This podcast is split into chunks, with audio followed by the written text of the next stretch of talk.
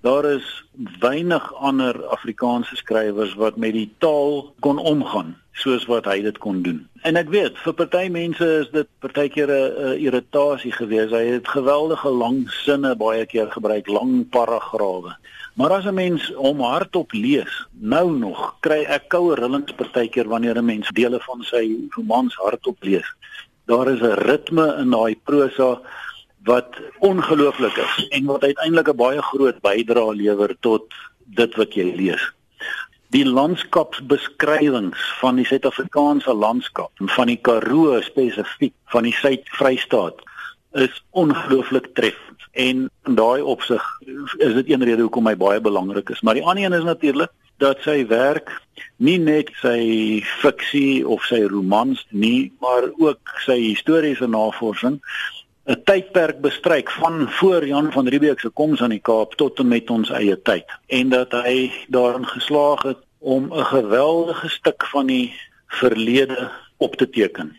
Maar in sy romans veral het dit nooit gebly by die opteken van die verlede nie, maar eintlik soos wat hy dit self gestel het in sy uh, autobiografiese boek, daai die laaste Afrikaanse boek, dan sê hy op 'n stadium eintlik is al sy werk gemoeid met plek en identiteitsbepaling. Dit gaan oor wie is 'n mens in hierdie land. En wat dit betref, het hy op 'n besondere wyse om bemoei met identiteit en wie is ons in Suid-Afrika? Wat is die lot en die plek van die blanke Europese afstammelinge in Afrika? Dis iets waarmee hom dikwels bemoei het.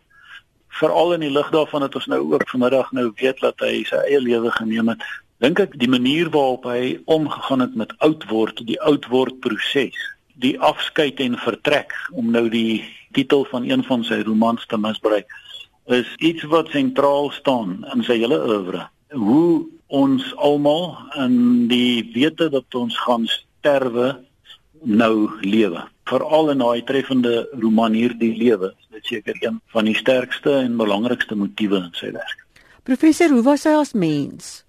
Ek het Karel nooit self leer ken nie. Ehm um, doodgewoon omdat ek nie eintlik vreeslik graag altyd skrywers wil leer ken nie. Ek het wel 'n boek oor hom gemaak saam met my kollega Elise van Vieren in 2002 het ons 'n kongres gereël oor sy werk en toe het ons die um, boek oor hom gemaak Sluiswagter by die Dam van Stemme en in daai tyd het ek met hom gekorrespondeer 'n paar keer en ek het hom baie hoflik en en aangenaam gevind in die korrespondensie. Maar sover ek verstaan was hy nie 'n maklike mens nie. Hy het 'n soort kluisenaars bestaan gevoer uh, homself in sy navorsing ingegooi um, en in die kelders van die argiewe gebly. Nooit ontrent onderhoude toegestaan nie, openbare optredes absoluut vermy. En uh, ek kan dus nie veel sê oor sy persoonlike lewe nie behalwe dat hy kennelik nie 'n maklike mens was om mee oor die weg te kom nie. Selfs net toe ons die boek oor hom gemaak het het ons naby aan die einde 'n botsingkie gehad rondom die buiteblad van die boek.